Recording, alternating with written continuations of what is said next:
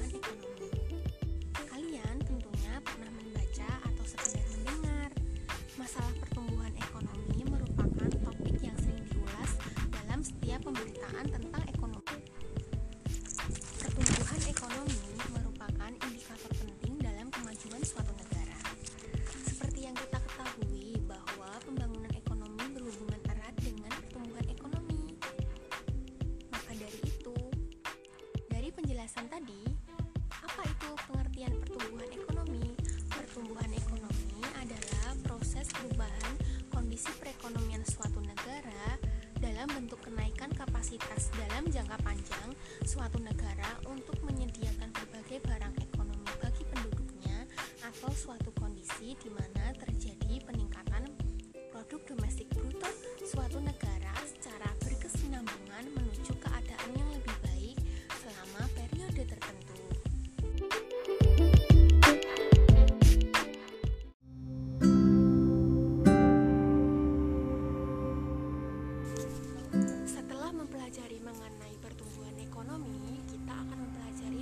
faktor-faktornya. Nah, faktor pertumbuhan ekonomi itu yang pertama ada barang modal, teknologi, tenaga kerja, sumber daya alam, manajemen, kewirausahaan,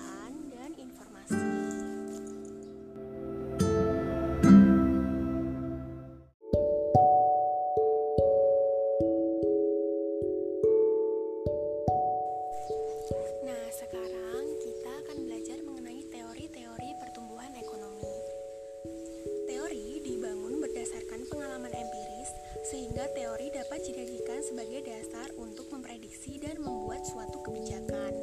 Nah, apa sih teori tentang pertumbuhan ekonomi itu?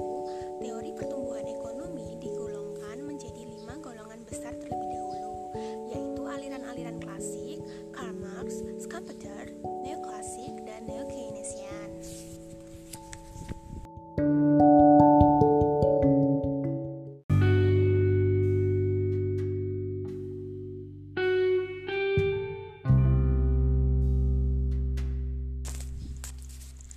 Aliran klasik dalam teori pertumbuhan ekonomi ada beberapa ahli yang menganut aliran ini, antara lain Adam Smith, David Ricardo, dan Thomas Robert Malthus. Da- Adam Smith berpendapat bahwa untuk melaksanakan pertumbuhan ekonomi diperlukan tiga hal berikut, yakni akumulasi modal, spesialisasi pekerjaan, dan pasar yang luas. Adam Smith juga berpendapat bahwa pertumbuhan ekonomi bersifat kumulatif, yang berarti adanya akumulasi modal, spesialisasi pekerjaan, dan pasar yang luas akan menyebabkan produktivitas meningkat. Nah, yang kedua ada David Ricardo.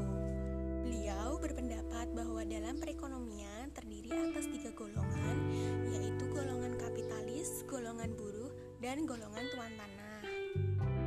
Adanya tiga golongan di nasional dibagi menjadi tiga, yaitu upah, sewa, dan keuntungan.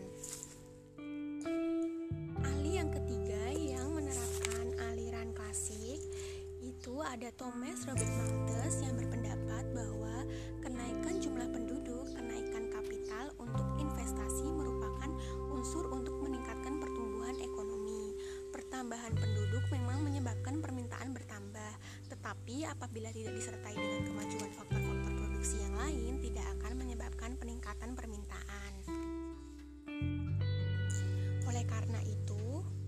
Thomas Robert Malthus berpendapat bahwa selain pertumbuhan penduduk masih ada peningkatan kapital yang terus-menerus yang juga turut memengaruhi pertumbuhan ekonomi.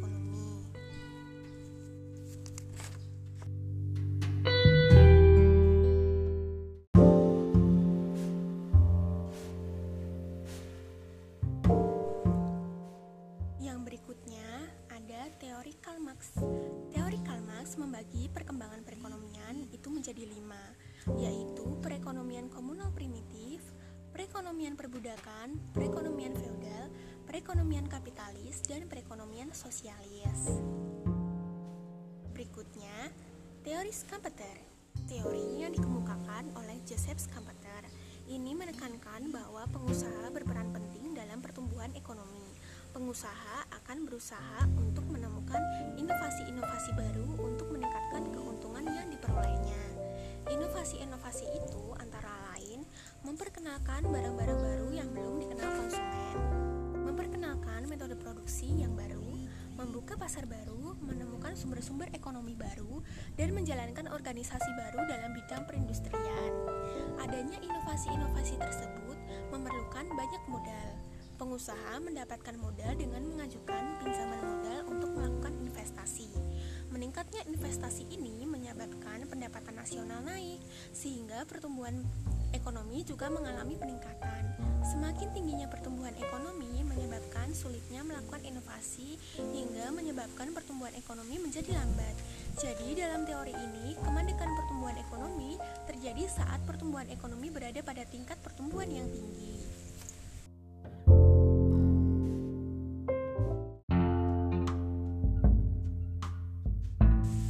Yang berikutnya ada teori pertumbuhan ekonomi aliran neo-Keynes yang merupakan perluasan dari teori John Maynard Keynes. Teori pertumbuhan ekonomi yang dikemukakan oleh Hardy dan Damore ini didasarkan pada tujuh asumsi. Yang pertama, barang modal yang tersedia telah digunakan secara penuh. Yang kedua, pemerintah tidak ikut campur tangan dalam perekonomian. Yang ketiga, besarnya rata-rata tabungan sama dengan besarnya fluktuasi pendapatan nasional. Yang keempat, perbandingan antara barang modal dengan pendapatan dianggap tetap. Tidak terjadi penyusutan pada barang modal. Yang keenam, tingkat harga umum tetap. Yang ketujuh, ada tingkat bunga tetap. Berikutnya, teori tentang neoklasik. Teori neoklasik ini menggantikan teori klasik yang sudah ada sejak sebelumnya. Teori ini menekankan pada akumulasi modal, perkembangan ekonomi itu berlangsung secara berangsur-angsur dan setahap demi setahap. Perkembangan ekonomi adalah proses yang harmonis dan bertambah sedikit demi sedikit serta meliputi semua faktor yang terkait di dalamnya. Aliran neoklasik merasa optimis terhadap perkembangan ekonomi. Aliran neoklasik yakin bahwa penghambat perkembangan ekonomi yaitu terbatasnya sumber daya dapat diatasi dengan kemampuan sumber daya manusia yang ada, adanya aspek internasional dalam perkembangan ekonomi.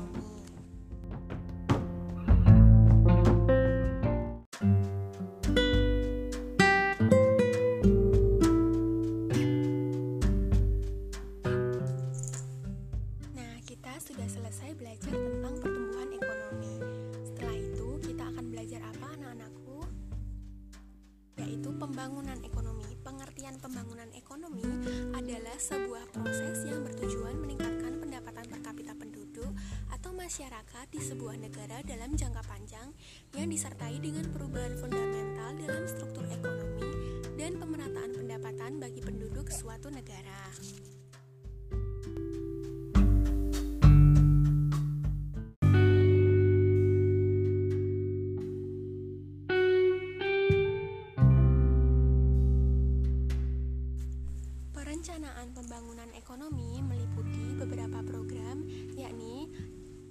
Pengentasan kemiskinan, riset dan pengembangan pertanian, perencanaan keluarga, kebijakan ketenaga kerjaan, meningkatkan kemajuan teknologi lokal, analisis proyek investasi, program-program pengembangan kewirausahaan.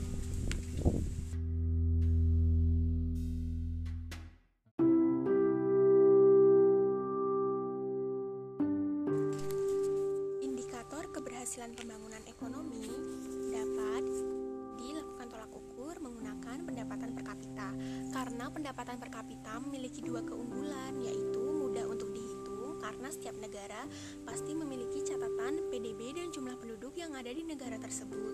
Yang kedua, pendapatan per kapita cukup mewakili hakikat utama pembangunan yaitu peningkatan kesejahteraan rakyat.